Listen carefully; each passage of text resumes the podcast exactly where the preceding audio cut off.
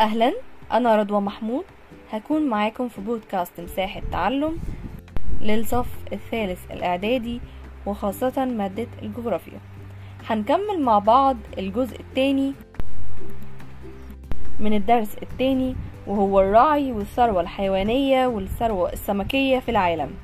بعد ما تعرفنا في الجزء الأول على مصادر الثروة الحيوانية تعالوا نتعرف مع بعض على الإنتاج الحيواني في العالم. المنتجات الحيوانية بتتقسم معانا لأربع أنواع. هنتكلم عن أهميتها وهنتكلم عن أهم الدول المنتجة ليها على حسب ترتيبها. تعالوا نتخيل مع بعض إن الإنتاج الحيواني بيطلع منه أربع أسهم. أول سهم فيهم هو اللحوم الحمراء.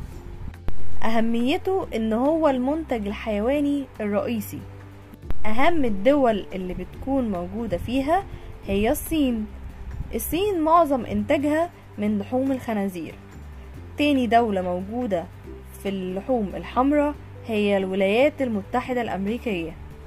تعالوا نروح لتاني سهم معانا وهو الألبان. الألبان بتعتبر ثاني منتج حيواني رئيسي بعد اللحوم الحمراء. وأهم الدول المنتجة للألبان هي الهند والولايات المتحدة الأمريكية. تعالوا ننتقل للسهم الثالث وهو الأصواف. الأصواف بتكون مادة خام أساسية لصناعة نسيج الصوف. بنصنع منه الملابس وحاجات كتير. أهم الدول اللي بتنتجه هي أستراليا ليه أستراليا؟ علشان موجود أغنام. المارينو أغنام المارينو دي مشهورة بغزارة الصوف بتاعها.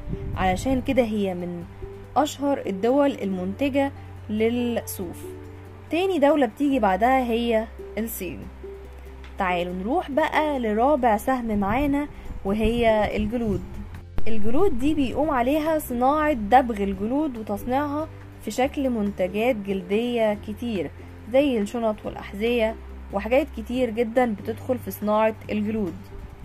يبقى الأربع حاجات اللي معانا هي اللحوم الحمراء والألبان والأصواف والجلود. بس إحنا كمان لازم نعرف إن بيدخل حوالي 8% من الإنتاج العالمي للحوم الحمراء في التجارة العالمية.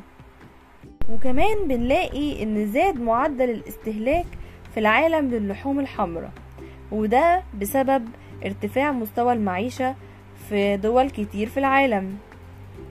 وكمان خلينا نعرف إن مصر تنتج من الألبان حوالي ستة مليون طن سنويا بس إنتاجها ده مش بيكفي السكان وده بسبب زيادة السكان وزيادة استهلاكهم. بعد كده تعالوا نسمع مع بعض الصوت ده علشان نعرف إحنا هنتكلم عن إيه في الجزء اللي جاي.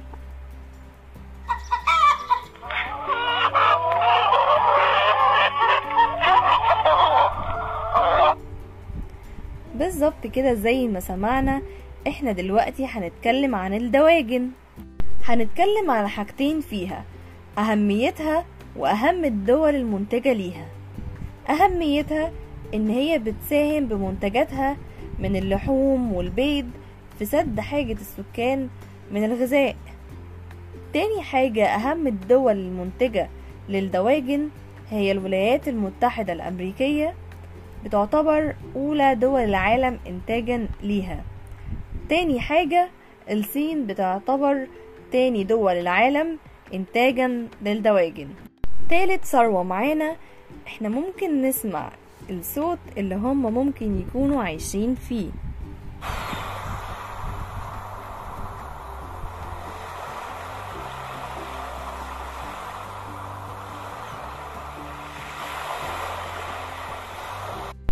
بالظبط زي ما سمعنا كده هي فعلا ثروة السمكية.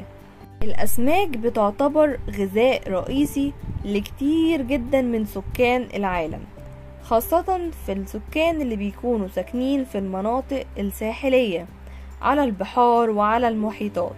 عندنا عوامل بتساعد على تطور الحرفة بتاعة الصيد وتربية الأسماك. العوامل دي بتتقسم لحاجتين عوامل طبيعية وعوامل بشرية. تعالوا نتعرف. أول حاجة معانا هي ضحالة المياه الساحلية وبتكون غنية جدا بالمواد الغذائية. تاني حاجة في العوامل الطبيعية بتكون التقاء التيارات البحرية الدافئة مع الباردة. ده بيساعد على تطور حرفة صيد الأسماك. وبالنسبة للعوامل البشرية ففي توافر المواني علشان تقف فيها السفن للصيد. رابع حاجة هي توافر الخبرات الفنية والخبرات العلمية علشان يصنعوا المراكب وأدوات الصيد المختلفة وكمان التلاجات علشان يحفظوا فيها الأسماك بدل ما كانت الأسماك بتبوظ وما يقدروش إن هما يوصلوا بيها لأماكن بعيدة. خامس حاجة هي التوسع في تربية الأسماك على أسس علمية حديثة. بدأوا إن هم يربوا الأسماك بس على أساس علمي حديث. يبقى إحنا كده عندنا خمس عوامل لتربية وحرفة الزراعة الصناعة الصناعة ولا صيد الحيوانات ولا صيد الأسماك؟